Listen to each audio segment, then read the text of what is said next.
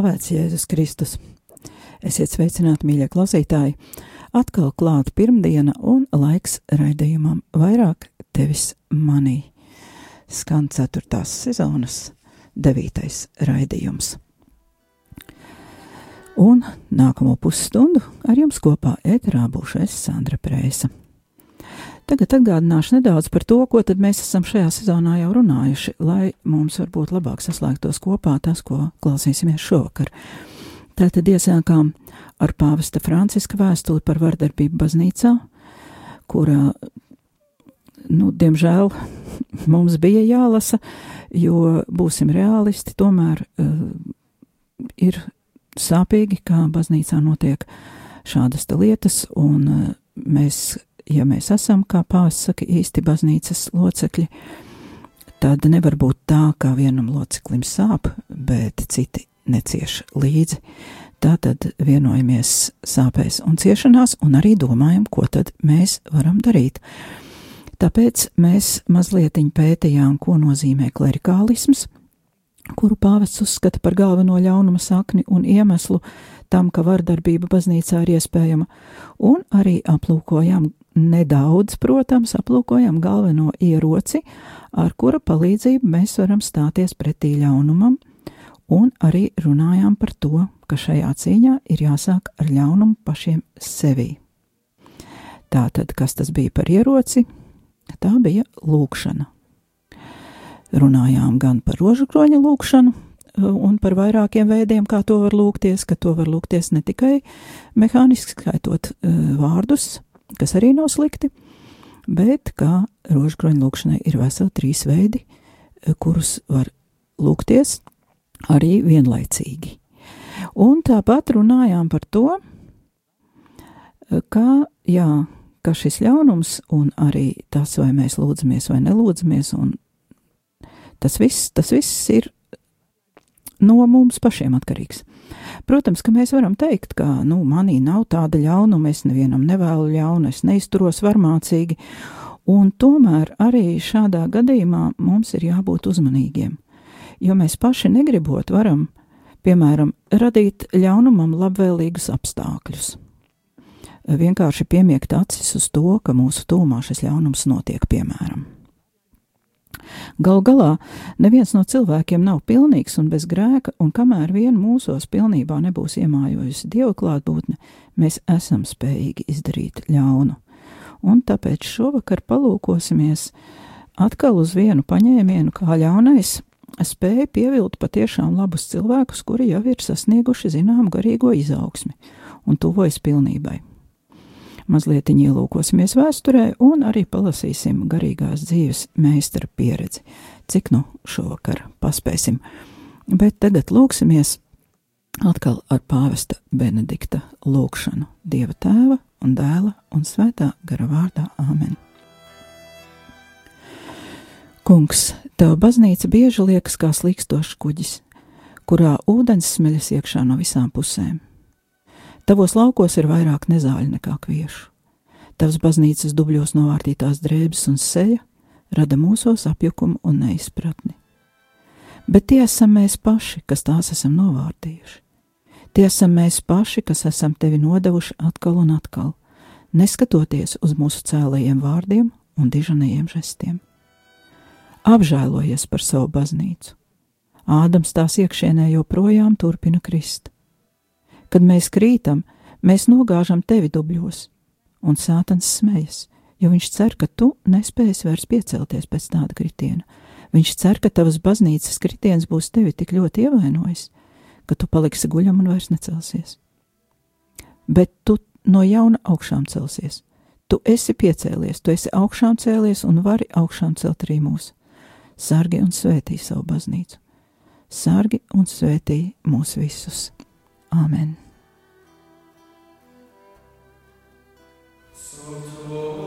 Jā,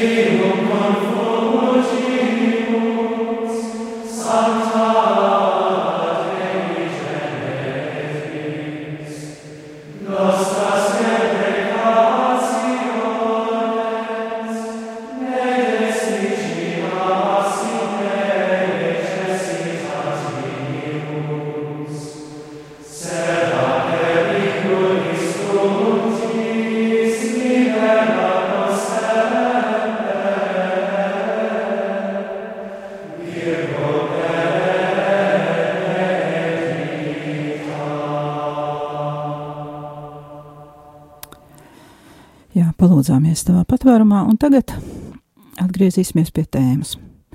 Pāvests savos pēdējos dokumentos Gaudēt et exultāte, jeb priecājieties un līksmojiet, dokumentā, kuru pašlaik uh, skata priestera katehēzes laikā, un vēstulē, ja viens loceklis cieš, kuru mēs lasījām mūsu raidījumā, runā par divām herēzēm, kuras ir atzimušas baznīcā vai drīzāk nekad nav bijušas pavisam iznīcinātas. Tātad pāvests Francisks tās sauc par jauno pelagianismu un jauno gnosticismu. Abām šīm herēzēm kopīga ir dieva žēlastības nozīmes panicināšana. Neopelagianismu gadījumā cilvēks uzskata, ka pilnību var sasniegt pats ar dažādiem vingrinājumiem un askēzes piekopšanu. Tiek mazvērtēta žēlastības nozīme, un, protams, tas rada augsni gara augstprātībai un dažādiem netikumiem. Savukārt neognosticismu upuri uzskata, ka pilnību garantē augsta teoloģiskā izglītība, dažādu priekšrakstu zināšana un izpildīšana, bet žēlastība un personīgas attiecības ar Dievu lūgšanā tiek mazvērtētas. Arī šajā gadījumā rezultāts ir garīga augstprātība un sekojošs kritiens netikumos. Abas šīs herēzes pāvests uzskata arī par klerikālisma barotni. E, tomēr ļaunajam garam ir ļoti laba iztēle, un viņš cilvēkam pieiet ļoti radoši. Minētās herēzes ir vislabāk pamanāmas, atpazīstamas un aprakstāmas. Taču tās nav nebūtu vienīgās, ar kurām ļaunais uzbāžas cilvēka prātam, lai to apmulsinātu un aizvestu prom no dieva. Un šovakar paskatīsimies e, vēl vienu viltību, kuru izmanto ļaunais, lai cilvēka vēlmi pēc garīgās pilnības izkropļotu un pavērstu pret viņu pašu. Turpināsim pēc melodijas. Es staigāšu kunga priekšā dzīvo zemē. Es staigāšu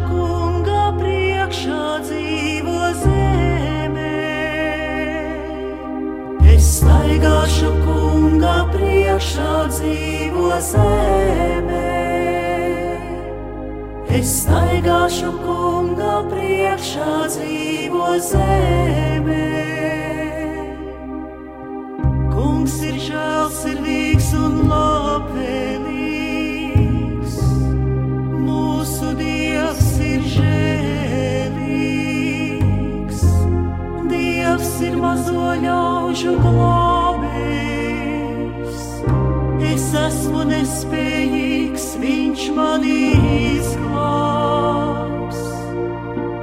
Es staigāšu kunga priekšā dzīvo zemē. Es staigāšu kunga priekšā dzīvo zemē. Arī tad es ticēju, esmu ļoti satriekts. Savā izmisumā es sacīju, visi cilvēki melo. Es staigāšu kunga priekšā dzīvo zemē. Es staigāšu kunga priekšā dzīvo zemē.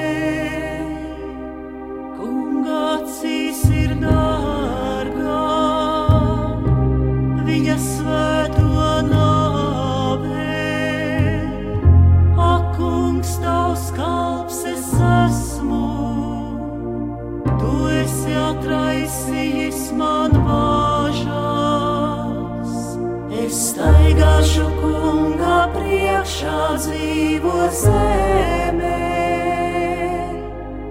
Es staigāšu kunga priekšā dzīvo zemē.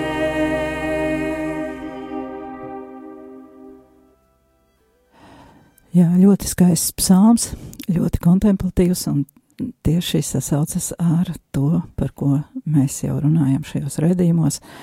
Vairākas reizes esam jau runājuši par šo kontemplatīvo lūkšanu, par šo vienību ar Dievu, par staigāšanu ar Dievu kopā ar viņu, viņa mīlestībā.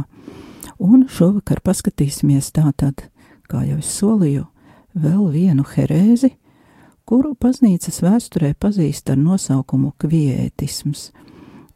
Šis nosaukums ir radies no vārda klusums, jeb apklušana, un tas ir saistīts tieši ar šo kontemplatīvās lūkšanas praksi, jo mēs zinām, ka visi svētie ir lūkušies kontemplatīvi, jā, tātad šo kluso, jeb mentālo lūkšanu, kā mēs lasījām arī pie Katrīnas un arī lasījām par rožakroni. Un tā tad, lai arī šī te lūkšana tiek uzskatīta par vispilnīgāko, tomēr tieši šeit ļaunais atkal izliek savas cilpas. Tātad kvietisms ir kristietības doktrīna, kura uzskata, ka pilnība nozīmē dvēseles noklušanu un jebkādas cilvēciskas piepūles slāpēšanu, lai pilnībā varētu darboties dievišķā žēlastība. Redziet, šeit ir pretstatā it kā pretstats, kā tie iepriekšējās minētās herēzes, kā noliedz dievu žēlastību, bet klausīsimies tālāk. Daudzu gadsimtu laikā kvietisma elementi ir parādījušies dažādās mācībās, kā kristīgajās, tā nekristīgajās. Parasti šis termins visciešāk saistās ar spāņu priesteli Miguelu de Molinos, kurš ir dzīvojis 17. gadsimta otrajā pusē, un šajā laikā bija kļuvis pat par ievērojumu garīgu autoritāti Romā lai gan vēlāk viņa uzskati tika nosodīti un atzīti par herētiskiem. Eh, tā mums stāstā Brīta enciklopēdija. Savukārt, eh, kristīgā garīguma pētnieks Dominikāņu tēvs Jordans Omens, eh, runājot par kvietismu, saka, ka pirmās tādas iezīmes ir jau redzamas 13. gadsimtā begāru un begīņu garīgumā. Nu, begāri un begīnas tie bija faktiski brāļu un māsu subagotāji, laji, un beg ir arī ubaks angļu valodā, jā, un šis vārds nāk arī sakne nāk no latiņu valodas. Tātad tie bija laji, kuri bija apvienojušies kopienās, dzīvoja klosteru tūmā un nodevās dziļai garīgajai dzīvei. Viņi dzīvoja lielā nabadzībā un askēzē, un no viņu vidus ir izaugusi arī vesela mistiķu paudze. Viņiem tika pārmests, ka viņi lasa Bībeli un lūdzas un raksta grāmatas par mistiku tautas valodā. Par aizdomīgu uzskatīja arī viņu ļoti vienkāršo dzīvi un nabadzību. Jo, protams, ka viņi rakstīja un lūdzās tautas valodā, jo viņi nebija izglītoti, viņi nezināja latīņu valodu un tajā laikā uzskatīja, kā par dievu drīkst runāt un un grāmatas rakstīt tikai latīniski, jo, ja cilvēkam nav izglītības, tad viņš var sarunāt muļķības, un tā lielā mērā, protams, ir taisnība, vai ne? Tātad 1311. gadā ar Vīnes koncila lēmumu Begāru un Begīņu kustība tika aizliegta oficiāli, un par doktrinālo pamatu tika izmantoti pārmetumi kvietismā un slēptā panteismā. Omens saka, ka arī Dominikāns meistars Ekhards savās ekspresijās nonāca bīstami tuvu panteistiskajai doktrīnai un begāru kvietismam, kuru gan viņš centās apkarot ar visu savu spēku. Bet, protams, ir arī citi cilvēki, kuri ir pētījuši meistaru Ekhartu, un viņi uzskata, ka eh, šis cilvēks ir bijis ļoti labs teologs un ka viņš vienkārši nav pareizi saprasts. Jo tur, kur Ekarts pats publiski runā un aizstāvs, viņš patiešām saka, ka viņš nekad nav piekritis šīm herēzēm, ka viņš ar visu savu sirdi ir mīlējis Dievu un baznīcu un centies uh, runāt tikai to, ko māca baznīca.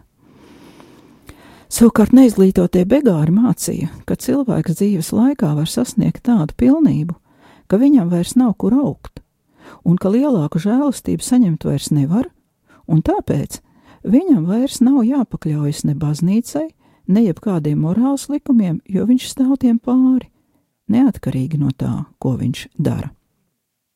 Un šeit mēs atkal varam pamanīt tādu mazu niansīti, kuras sasaucas ar to, ko mēs bijām arī runājuši. Ričards Rors savā grāmatā apslēptais Bībeles garīgums runā par to, ka it kā apustulis Pāvils vēstulē romiešiem kūdot neievērot baušus, un tas izskatās pēc kaut kā līdzīga, protams, ne jau apustuļa Pāvila vēstule, jo apustulis to nedara, bet uh, šī te kūdīšana, neievērot baušļus, tas arī mazliet izskatās pēc šī te, šīs te herēzes vai mācības, ja, ka, nu, kad cilvēks jūtas jau tādus kontemplācijas augstums sasniedzis, ka viņam vairs morāls likums nav svarīgs.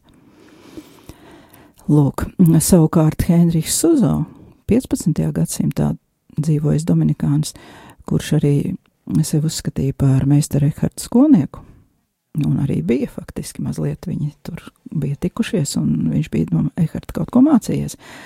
Un Suzo savā mazajā grāmatiņā par patiesību runā par dažādām pilnības pakāpēm un brīdina no pārliekas aizraušanās ar misticismu un visādu pārdabisku vīziju meklēšanu, kas šajā laikā, 15. gadsimtā, bija ļoti populāri. Un Suzo savukārt brīdina uzmanīties no pārmērīgas pasivitātes, kuras sludināja begāri, un vēl arī bija tādi brīvā gara brāļi. Suzo uzskata, ka savienošanās ar Dievu ir kā jauna piedzimšana. Dvēseli ir mīlestībā vienota ar Dievu tā, ka brīžiem pat nemana robežu. Tomēr, pat atrodoties šādā stāvoklī, dvēselē vienmēr ir jāpaliek pazemīgai, jo tai vienmēr ir iespēja atkrist un sagrēkot. Jo, kā mēs paši saprotam, cilvēks, lai arī cik viņš nebūtu nu, sasniedzis augstu pilnību, viņš tomēr paliek cilvēks ar savām pirmdzimtā grēka sekām, tā tad ar spēju tomēr pilnīgi, pilnīgi atkrist un sadarīt kaut ko neatbilstošu situācijai un savam it kā sasniegtajam līmenim. Nu, par Henriku Suzo es ceru, ka mums iznāks vēl mazliet vairāk parunāt kādā, nākamajā, kādā no nākamajiem raidījumiem Bet šodien turpinām tātad par kvietismu. Gal galā daži maldos iekrituši mistiķi turpināja sludināt kvietismu herēzi, kura sevī ietver vienaldzību pret pestīšanu, e, atstāja novārtā lūkšanu un labos darbus, lai ieliktu sevi pilnībā dieva rokās. Un e, šeit mēs varam arī paskatīties, ko pašlaik visu laiku sludina pāvests Francisks. Viņš ļoti daudz runā par labajiem darbiem, viņš ļoti daudz runā par to, ka mums ir jākalpo. Tātad tas ir tieši pretēji šai herēzē, šim kvietismam, kurš sludina, ka uh, cilvēkam ir jābūt pasīvam un jāklausās dievā, nu, un, un jāatmet gandrīz vai lūkšana, tāda vārdu, vārdu lūkšana un, un, un jebkāda sava griba, var sakot, tāda pārspīlēta apklušana. Ja? Un tā tad pāvests Francisks ar savu, ar savu visu, ko viņš mums šobrīd sludina un raksta, eh, nostājas tieši pretī šai te herēzei. Eh, savukārt eh, šīs herēzes pretinieki arī bija jau 14. un 15. gadsimtā, un viens no efektīvākajiem tiek uzskatīts tāds Džons Ger Gersons.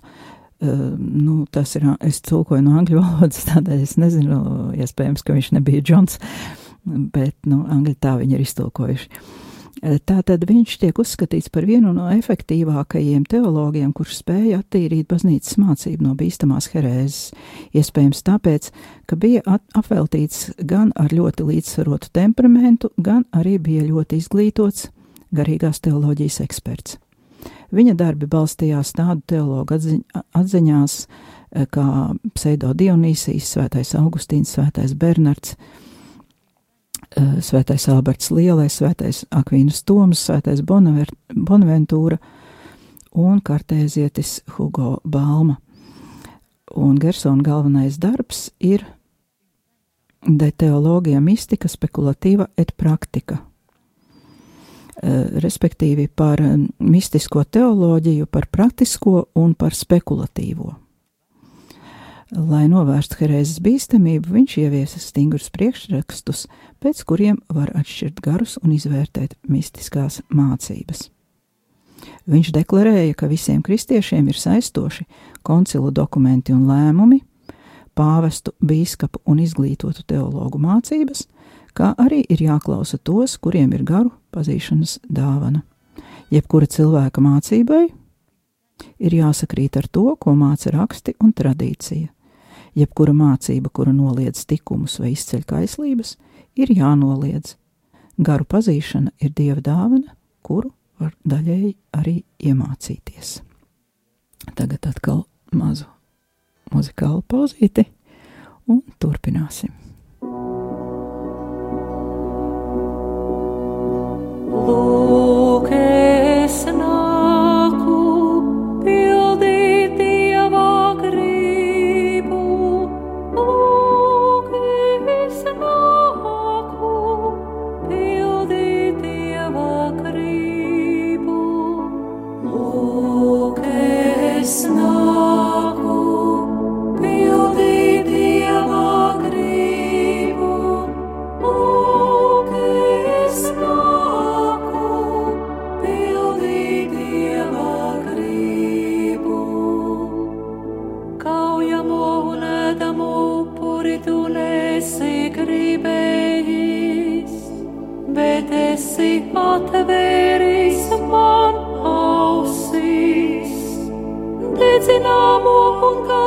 gandarīšanas upuri tu nesi prasījis.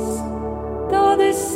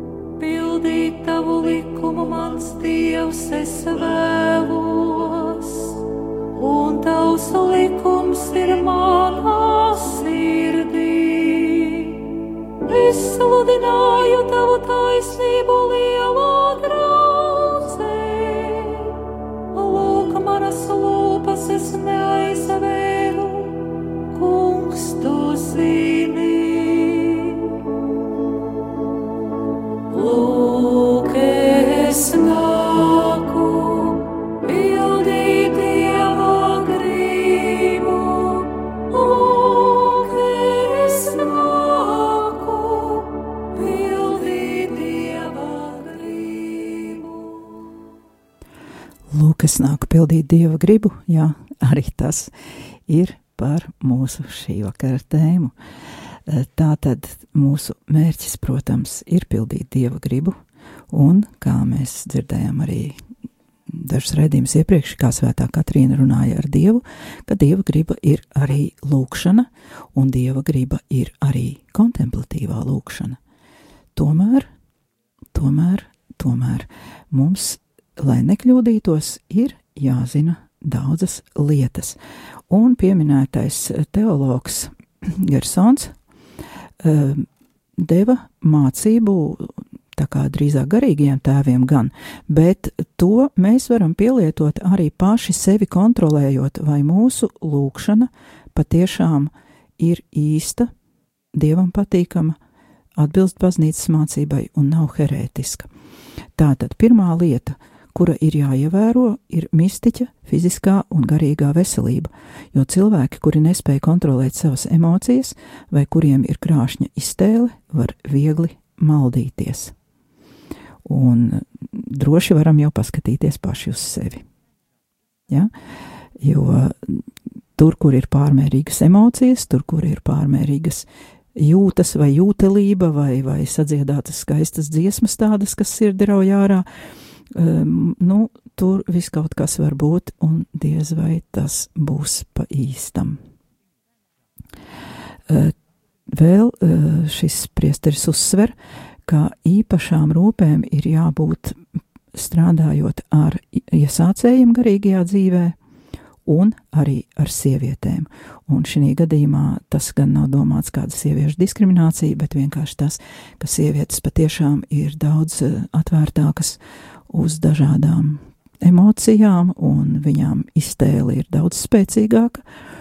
Viņas, teiksim, tā ātrāk aizdegās, ātrāk uzvelkās, un tādēļ tieši sievietēm būtu jābūt ļoti uzmanīgām, kad viņas domā, kā ir sasniegušas kādu kontemplatīvo lūkšanu, kontemplācijas līmeni. Ļoti īpaši būtu sevi jākontrolē, ja nav garīgā tēva, bet, ja ir garīgais tēvs, tad, tad kā saka, dubults neplīst, kontrolē abi. Tā tad otrā lieta e, būtu, nu, garīgajam tēvam būtu nepieciešami ļoti pamatīgi izstudēt, e, kas tad tās ir par atklāsmēm vai par kaut kādām sajūtām vai piedzīvojumiem, ko šis cilvēks, mistiķis, kurš ir uzcējies garīgiem tēvam, viņam stāsta. Un garīgiem tēvam vajadzētu būt ļoti, ļoti atturīgam un skeptiskam, lai nesāktu, kā saka, dziedāt uh, mistiķa, tā saucamā mistiķa dziesmu, un pats neiekristu maldos kopā ar šo cilvēku, ar savu garīgo bērnu. Un vēl garīgajam tēvam kaut kādā veidā vajadzētu pārbaudīt arī šā garīgā bērna pazemību, jo pazemība vienmēr ir zīme tam, ka eh, mūsu ticība vai mūsu garīgā dzīve vai jebkas, ko mēs darām, ir īsts. Ja, bet, nu, tā kā ja mums garīgā tēva nav, mēs arī paši varam pārbaudīt, jo kurš gan labāk par mums pašiem zina, ja mēs esam godīgi, kurš labāk par mums pašiem zina, vai mums tā pazemība ir vai nav. Jo dažreiz var ļoti labi notēlot uz ārpus pazemību, bet mēs paši sev nevaram samelot. Tātad pazemība, patiesa pazemība mūsu sirdīs ir viens no kritērijiem, pēc kura mēs vērtējam, vai mūsu garīgā dzīve attīstās pareizā virzienā. Trešais. Eh, garīgajam tēvam ir jāsaprot motīvs, kāpēc uh, cilvēks, mistiķis, kurš ir piedzīvojis kaut ko, kādu kontemplāciju, kādu mistisku atklāsmi vai pat redzējumu, kāpēc viņš nāk un viņam grib to stāstīt.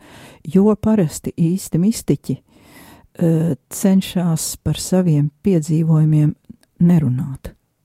Viņiem nepatīk tos apspriest, un viņiem nepatīk tos apspriest pat ar garīgo vadītāju. Un tādēļ var gadīties, ka šis pārdzīvojums ir bijis neīsts, un ka tas ir radījis lepnību, un cilvēkam gribas palapoties ar to, ka viņam ir šādi pārdzīvojumi. Un arī to būtībā, ja mēs esam godīgi pret sevi, mēs paši varam izkontrolēt, ja mums nav garīgā vadītāja. Un ceturtkārt, ko viņš min, uh, lai gan, nu, it kā ceturtkārt, bet tas nav mazāk svarīgi, mm, garīgajam vadītājam ir jāvēro sava garīgā bērna dzīve, šā mistiķa dzīve. Piemēram, eh, vai šis cilvēks kārtīgi izpilda savus pienākumus valsts priekšā, vai viņš iet uz darbu, vai viņš tur dara savu darbu, vai viņš nesimulē, vai viņš, teiksim, mūsdienās neņem falšas slimības lapas, vai viņš izpilda darba pienākumus, vai viņš slinko, vai viņš varbūt tur darbā vispār, nezinu, kaut ko negodīgu dara. Tā tad tas būtu viens no kritērijiem, kas atkal rāda šā cilvēka mistiskās dzīves īstumu. Nākamais kritērijs, vai šis cilvēks piekopja tikumus, kādi tikumi parādās, kuri ir redzami šī mistiķa dzīvē. Jo patiesiem mistiskiem pārdzīvojumiem un patiesai īstai kontemplatīvai lūkšanai Eh, seko arī personības pilnveidošanās, acīm redzama pilnveidošanās, un nekādā gadījumā šādi pārdzīvojumi nedrīkstētu radīt lepnību. Lepnība ir pirmā zīme, ka šie garīgās dzīves pārdzīvojumi un ka šī garīgās dzīves izaugsme ir neīsta. Un pēdējais solis - tā ir reāla garu atpazīšana. Eh, tas ir pats grūtākais, jo uh, runa ir par to, kā vajadzētu saprast, vai šis mistiskais pārdzīvojums un kontemplācija, vai, vai kaut kāda sajūta, ka mēs atdusamies Dieva rokās, vai nu, jebkas tāds līdzīgs, patiešām ir pārdabisks, vai arī tas ir dabisks, nu, iztēles auglis, jā. Vai arī tam vispār ir mm, kaut kāda mm, sātaniska izcelsme. Patiesa dievišķs pārdzīvojums atšķiras no neīsta, no ilūzijas vai no sātana kārdinājuma vai iejaukšanās ar to, ka pirmā galvenā pazīme ir pazemība. Pazemība, tad arī tāda dabiska piesardzība, arī tāda it kā cilvēka spēja būt elastīgam, jā, elastīgam un piesardzīgam, un arī šā cilvēka stingrība savā varbūt turēšanās pie tās pārliecības, ka viņš ir uz pareizā ceļa, taču stingrība, kas ir saistīta ar pacietību un atkal ar pazemību. Un tikai tādā gadījumā varētu domāt, ka šī kontemplācija vai mistiskais pārdzīvojums ir patiešām no dieva. Lūk, tā tad šodien mēs tikām tikai līdz vēsturei. Varbūt mēs vēl par to mazliet turpināsim nākamajā reizē, par to tieši kā mūsu dzīvē šāda herēze varētu izpausties bet nu pat jau arī tuvojas raidījuma beigas, noslēgsim pēc pāvesta lūguma atkal ar lūgšanu arceņģelim Miķelim, un ar to tad arī šovakar beigsim. Tas bija raidījums vairāk tevis manī un eterā Sandra Preisa. Dieva tēva un dēla un svētā gara vārdā Āmen. Svētais arceņģeli Miķeli palīdz mums cīņā. Esi mūsu aizsargs pret vēlna ļaunumu un viltībām Dievs, lai viņam pavēl, tā mēs pazemīgi lūdzam, bet tu, debesu karapulku vadoni, ar dievišķo spēku iedzen ellē sātanu un visus ļaunos garus, kas klejo pa pasauli, lai samaitātu dvēseles. Āmen! mīlestības